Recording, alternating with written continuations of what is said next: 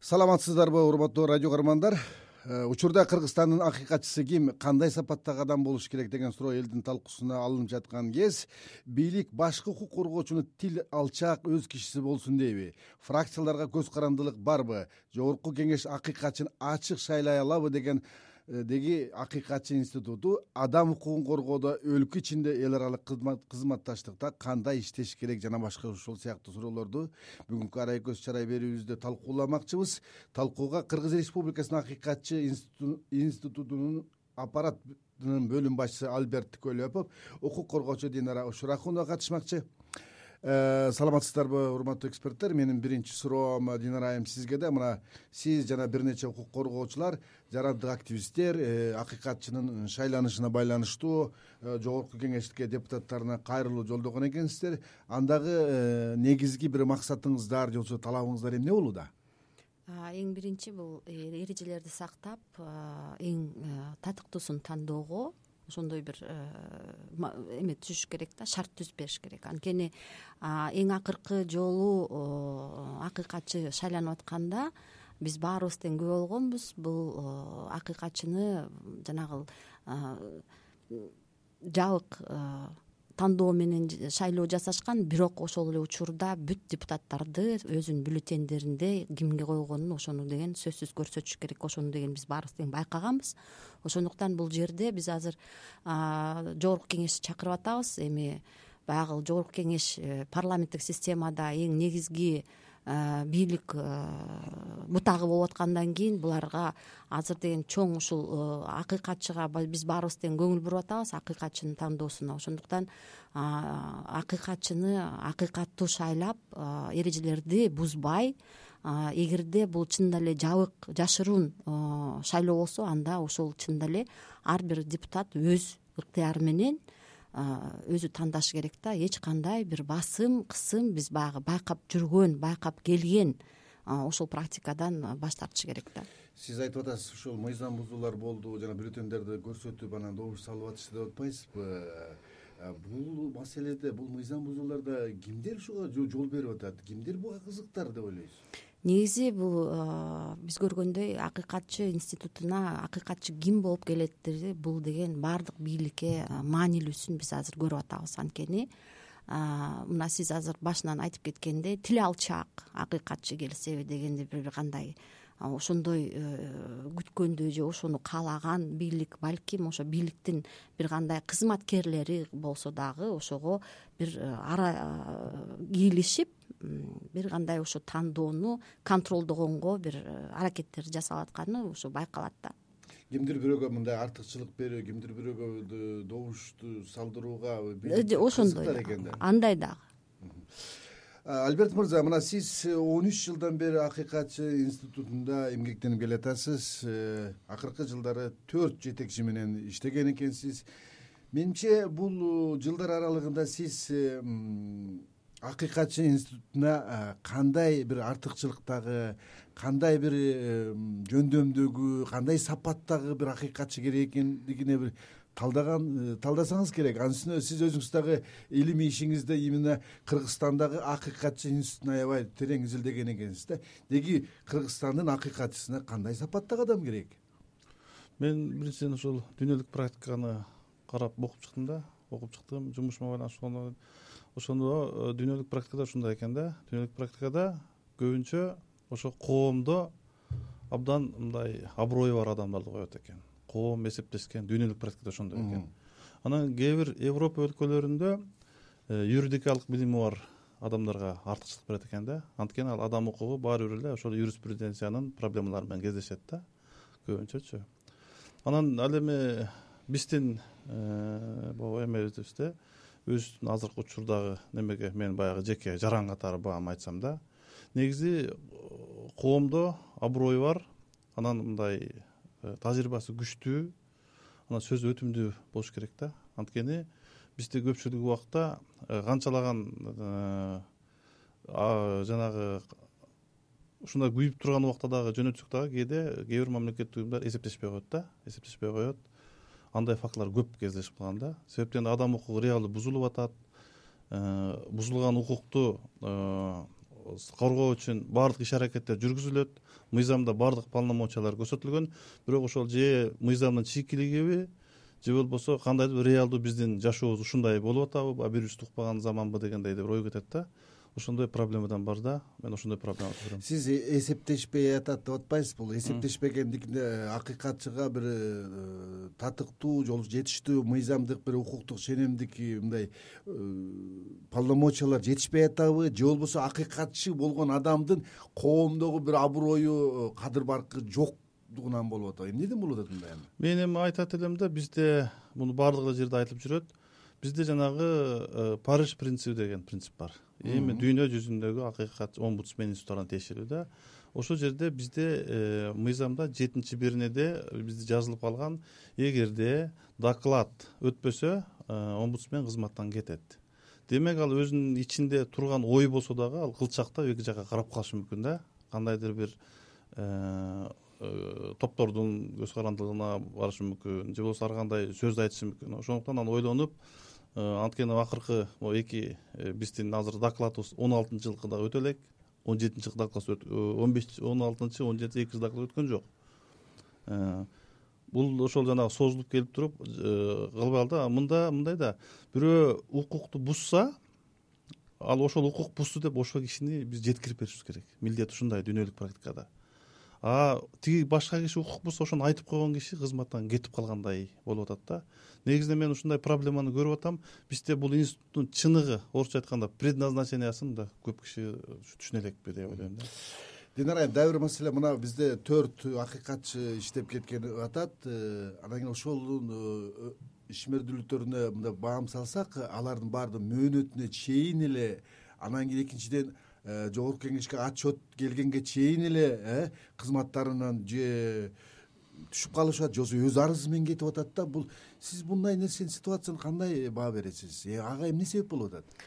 Көбүнчөсү мына биз эгерде байкап көрсөк э, биринчи акыйкатчыны билбейм бирок экинчи үчүнчү төртүнчү акыйкатчынын баягы бизде эми э, баарыбызга эми биз жок деп айта албайбыз. Өлкөдө азыр саясий куугунтук деген бар ошол эле э, укук коргоочулардын же негизи укук коргоо маселеси бул абдан аябай мындай э, чоң бир э, көйгөй маселе болуп атат да. Бирок ошондо акыйкатчы өзүнүн үнүн чыгарып баштаганда ошол жөнүндө айтып баштаганда эгерде унчукпаса ал жүрө берет экен. Бирок ошону баштагандан кийин эле бир нече убакыттан кийин эле ошол анан кийин ал кеткенге абзел болуп атат. Кантип акыйкатчы? Баштаганда дегениңизди түшүндүрүп койсоңуз. Эми баягы бизде мындай болуп атпайбы? Мына э, сиз азыр айтып кетпедиңизби коомчулукка жакпайбы деп. Коомчулук любой акыйкатчы менен иштей берет. Жагабы жакпайбы кантип тандалса дагы эми биз баягы бул акыйкатчы институту болгону менен укук укук бузулуп аткандан кийин баягы эркиндик тепселенип атканда баары тең барып эле акыйкатчыга кайрылып атпайбызбы.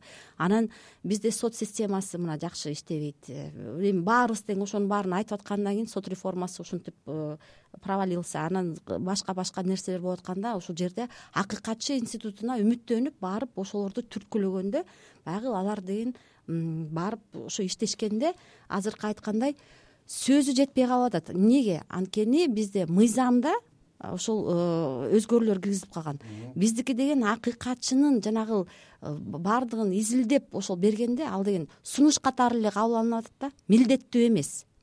То есть эгерде ал ошол бүт себептин баарын таап ушул мамлекеттик орган чынында эле бузуп атат себептин баары укук укук бузуунун себептеринин баары ушул органда турат дегенде ал сунуш катары эле э, кабыл алынат эгерде ал э, парламент кааласа аткарбай коет. кааласа аткарат кааласа аткарбайт. А эгерде милдеттирсе мисалы деген башка көп чет өлкөлөрдө омбудсмендики деген ал өзүнүн баасын бергенде бааны сөзсүз угуп ошону деген э, ошол эмелерди себептерди жогот иштеткенге же э, иш чараларды көргөзгөнгө милдеттүү мамлекеттик органдар. Бизде болсо Э, мыйзам менен көп мыйзамга киргизилип атып акыйкатчы мыйзамына.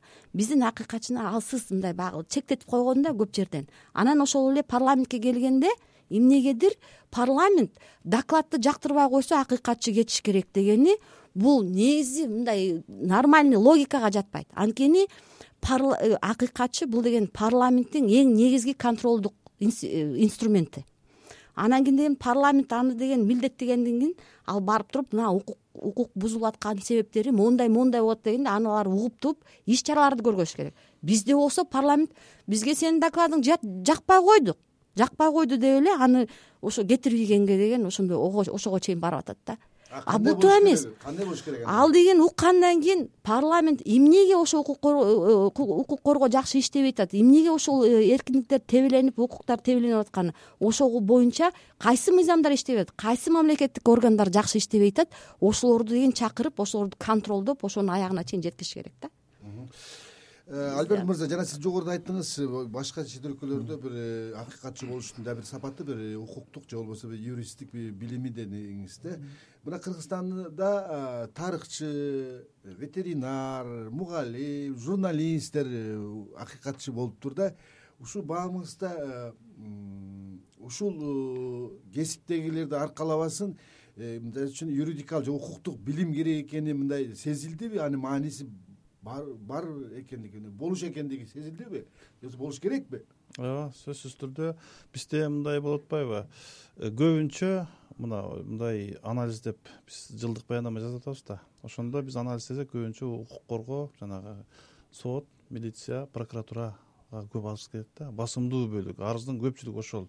Демек э, тергөөчүгө келген арызды э, карап текшериш үчүн ошо тергөөчүнүн деңгээлиндеги кызматкер болуш керек да же болбосо сотко прокуратурага келсе ошонун деңгээлинде караш керек да арыздычы. Түшүнүшүң керек да. Анткени анын ар бир жанагы мындайча айтканда лазейкалары көп да. Э, ар кандай себеп менен токтотуп коет э, ар кандай себеп менен кыскартып коет ишти э, ар кандай себеп көп да бир аябай эмеси көп. Ошондуктан мындай деңгээл юридикалык деңгээл менин оюмча жетишерлик болуш керек да жөн эле киши айтып атканда түшүнүшүң керек ар жагынчы.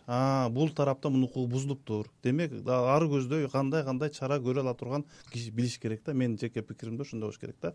Анан мен уже көп эле өлкөлөрдү мындай окуп кээ бир омбудсмендер бизге келет биздин барган учурларыбыз бар да баягы тажрыйба алмашып ошондо мен байкап атам көпчүлүк өлкөлөрдө ошол жанагы э, сотто жогорку соттун кызматына тең келип туруп мыйзамга киргизип ачканда жогорку сотто иштегенге ылайыктуу адам омбудсмен боло алат. Же болбосо конституциондук сотто иштеген адам омбудсмен боло алат. Маселен тажикстанда конституциондук соттун менин оюмча ушул иштеп жүргөн сот омбудсмен да азырчы э, же болбосо жанагындай академический степендиялер болуш керек иликтеш керек бул изилдөө жүрүш керек да. Изилдөө жүргүзгөндө ушундай терең комплекс изилдеп анан ошону кайра э, бергенде коомчулукка бергенде жалпы түшүнө тургандай болуш керек да ушундай бир эмелер бар. Динара айым азыр мына альберт э, мырзанын сөзүн уласак э, мына э, азыркы көрсөтүлүп аткан талапкерлердин ичинде дагы э мисалы үчүн юрист десеңиз юрист укук коргоо тармактарында күч тармактарында көп жылдан бери иштеген генералдык наамга чейин жеткен кыргызстандын саясатында өзүнүн орду бар аброю бар адам көрсөтүлүп атканына коомчулуктун бир тарабы өтө каршы чыгып аткандыгы өзгөчө укук коргоо эме уюмдар каршы чыгып атканы сиз эмнеден көрөсүз анда мен ойлойм албетте бул юридикалык билим деген акыйкатчыга керек. Бирок акыйкатчы бул биринчиден бизде деген азыр мындай институт катары болуп калбадыбы? Бөлүмдөрү бар. Ошондуктан бул жерде менеджер болуш керек. Анан принципиалдуу анан эң негизги бул деген бийликке оппонирование баягы тажрыйбасы бар болуш керек да. Анткени эми баягы көп эле баягы юридикалык академиктер деле көрүп атабыз унчукпай сүйлөбөй койгон көзүн жумуп койгон укпай калган учурлар болуп калып атпайбы ошондуктан бул жерде аябай принципиалдуу жүрөгү күйгөн оппонирование именно ошол коркпой ошонун баарын айтып ошол жерге чейин барып ошолордун баарын тең көргөзгөнгө ошондой коркпогон адам керек да бизгечи. Азыркы учурда ошондой керек. Биз деген эми башка өлкөлөрдү карап атканда мисалы ошол эле европанын омбудсмендери аякта эми баягы мамлекеттик органдар жакшы иштейт анан кийин мыйзам да иштейт да. Ошондуктан ал жерде көбүнчө баягы академия юридикалык көп нерселер керек изилдөө керек бизде деле ал керек. Бирок азыркы учурда бизде чынында эле аябай көп маселелер болуп атпайбы. Көйгөйлөр көп укук бузулуп аткан. Мына милиционерлер жанагы кичинекей балдарды коркутуп атканы ушундай ушундай. Вот ошолордун баарын чогултуп ошолорду коркпой бийликке айта алган ошолор менен оппонировать эткен ушондой акыйкатчы керек да. Айтыш эмес. Бирок ошону коркпой ошону айтып жеткизе алган. Принципиалдуу альберт мына бийликке оппонент деп атпайбы. Бийликке демек бийликке мындай түз айта ала турган бир институт болуш керек деп атат да. Мына биздин акыйкатчы институту артта калган жылдарда ошондой оппоненттик милдетти аткара алдыбы аткара албаса ага эмне тоскоол болду? Мыйзам тоскоолбу же бийлик тоскоолбу же башка тоскоолбу? Эмне болду өзү? Э, мындай да бизде эми баягы оппонирование десе эле сөзсүз түрдө баягы саясий эмесин айтышат да. Бизде мындай да мамлекеттик органда көп жанагы органдар бар. Э, ошо мвд бар гсин бар гкмб бар прокуратура бар э, билим берүү саламаттык баардыгында укук бузуулар бар да. Арыз биз арыздардан көрүп атабыз да. Анан бул ошол төмөнкү звенодон баштап жогорку звеночу чейин ким укук бузса ошо менен иш алып барылат да. Бул боюнча иш алып барылып атат да. Алып барылып атат. Э, көптөгөн э, жанагындай чиновниктер жазаларын алып атат эми жазалатса сөзсүз түрдө эле баягы мындай түрмөгө камап же жумуштан алып койбойт да сөгүш алат э, эскертүү алат. Андай практика өтө көп биздечи. Мен айтат элем э, бизде аябай эле мындай иштиктүү эле иштер жүрүп атат азыр деле жүрүп атат кайрылып атат элдер. Биз күндө сотко катышып атабыз э, түрмөлөргө барып атабыз сизолорго барып атабыз. Андан сырткары мен айтат элем да бизде мамлекеттик органдардын баарына деле ишеним жок да элдечи допустим омбудсмен институту он беш жыл болсо иштегенине ошол эле мвдга токсон жыл болду. Дагы эле элде ишеним жок. Э, прокуратурага сексен жылдан ашып кетти менин оюмчачы дагы эле ишеним жоктой да. Сот органдары советтер мезгилинен бери иштеп келатат да. Анан он беш жыл тарыхы болгон институт менен салыштырмалуу берки институттун арасында айырмачылык болот да. Сөзсүз түрдө э, ички менеджменттен кемчилик кетет тышкы менеджменттен кемчилик кетет. Бирок э, мен айтат элем жоопкерчиликти айта элем да жарандар кайрылып атат ыраазычылыгын жазган жарандар бар. Э, андан башка жанагындай ар бир соттук ар бир түшкөн арызды терең кылдат карап эле биз иш алып барып атабыз менин оюмча парламент деген колдошу керек акыйкатчыны. Бул деген акыйкатчы парламенттин инструменти болгон үчүн парламенттин институту болгон үчүн парламент өзү колдотуп туруш керек өзү түшүнүш керек ошо акыйкатчы ким экенин ошону колдоп ошого деген мындай бир поддержка көрсөтүп турса мен ойлойм акыйкатчы деле күчтүүрөөк болот да. А бизде болсо баягы акыйкатчыны мындай өгөй балаларды катары эле тандап коюп эле чытап коюшат да. Чытап коюшат еще урушат. Эмне үчүн ушинтип бузулуп атат бүт э, укук э, проблема ситуация эмнеге ушундай болуп атат? Жакпай атат сенин докладың деп кетирип салып атат. Жок тыкыз байланышып тыкыз колдоо ошону колдоп аябай. Кандай болуп атат? Кантип иштеп атасың деген ошондой деген бир колдоо болуш керек. Колдоо сиздер э, акыйкатчы боло турган э, талапкердин э, тиги сапаттарын көп белгиледиңиздер. Мына азыр төрт беш талапкер ат салышканы турат. Сиздер айтып аткан сапаттар ушу биздин азыркы көрсөтүлүп аткан талапкерлерде барбы? Бар. Барбы? Бар. Мисалы үчүн кимдерде бар? Кимдерде жакшы кимдерде тажрыйбалуу кимдерде жок башка айта аласыздарбы жок эми баягы төрт төрт э, төртпү же беш э, талапкер чыгып атат.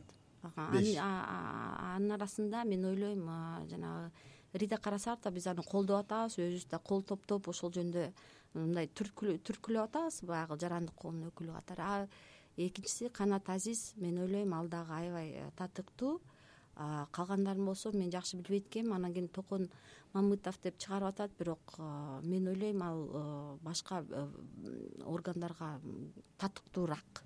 Эмне үчүн токон мамытовго сиздер мындай катуу каршы чыгып атасыздар? Жок мен ага деген негизи мен өзүм аябай сыйлайм. Ал адамды биз бири бирибизди жакшы тааныйбыз мамилебиз жакшы. Бирок мен ойлойм токон мамытович ал өзү башка мисалы ошол эле ассамблея же кайсы жерде болсо ошол жерде жакшы иштейт. Анан кийин э, бул акыйкатчыга мындай кичине шустрый мындай э, башка адам керек да. Шустрый дегениңиз кандай? Эми шустрый болсо дагы баягы коркпогон мындай токон мамытович ал деген өзү аябай мындай эме да э, кантип айтсам. Мен аны деген эч качан ушул критикалап чыгып ушинтип оппонировать эткенин көрө элекмин да.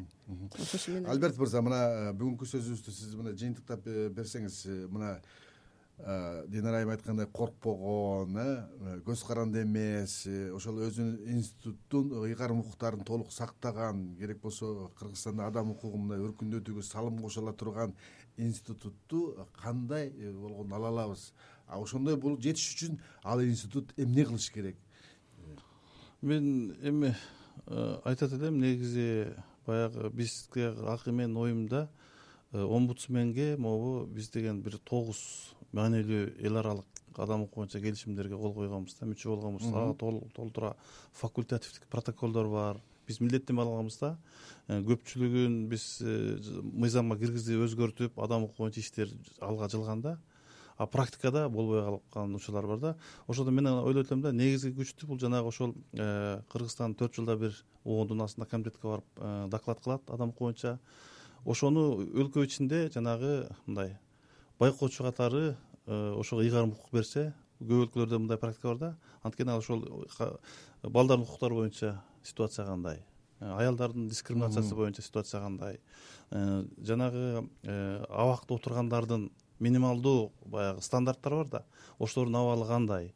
Ошол жанагы именно ошол келишимдерге ыйгарым укук берсе аброй бир топ көтөрүлмөк да. Анткени сиздер билесиз да оон обсе деген алардын бир эле айткан сөзү кандайдыр бир мындай ощутимый сезилет да экинчиден мен айтат элем ошол жанагы ички тышкы менеджментти жакшыртып анан эң негизгиси ошол жанагы кадрдык менеджментти жолго салса бул иш бат эле жылып кетет. Анан эң негизгиси динара айымга мен кошулам.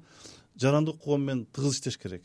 Жаран анткени булар көптөгөн жүздөгөн окуулардан өтүшөт булар ар кандайчы спецификасын терең билишет. Буларды ошол бир жерге топтоп булардын эмесин пайдаланса чогуу иштесе и бийлик менен да иштесе парламент менен иштесе сөзсүз түрдө тиги мыйзамдык өзгөртүүлөр керекпи бул да? Кошумча полномочиялар берип кошумча бир укуктарды берип. Мен жана башында айтып кетпедимби ошо париж принцибинде ошол жанагы жетинчи беренени алса бизден анда институту жанагы эй тобуна кирет экен да эл аралыкчы аны кирсе демек бул баягы көз карандысыз болгонго бул бир кадам болот да. Анткени ал ойлонбойт. Мен муну айтам бирок эртең бул иши мени жумуштан алат деп ойлонбой калат динара айым канткен биз омбудсмен э, көз каранды эмес институт боло алат?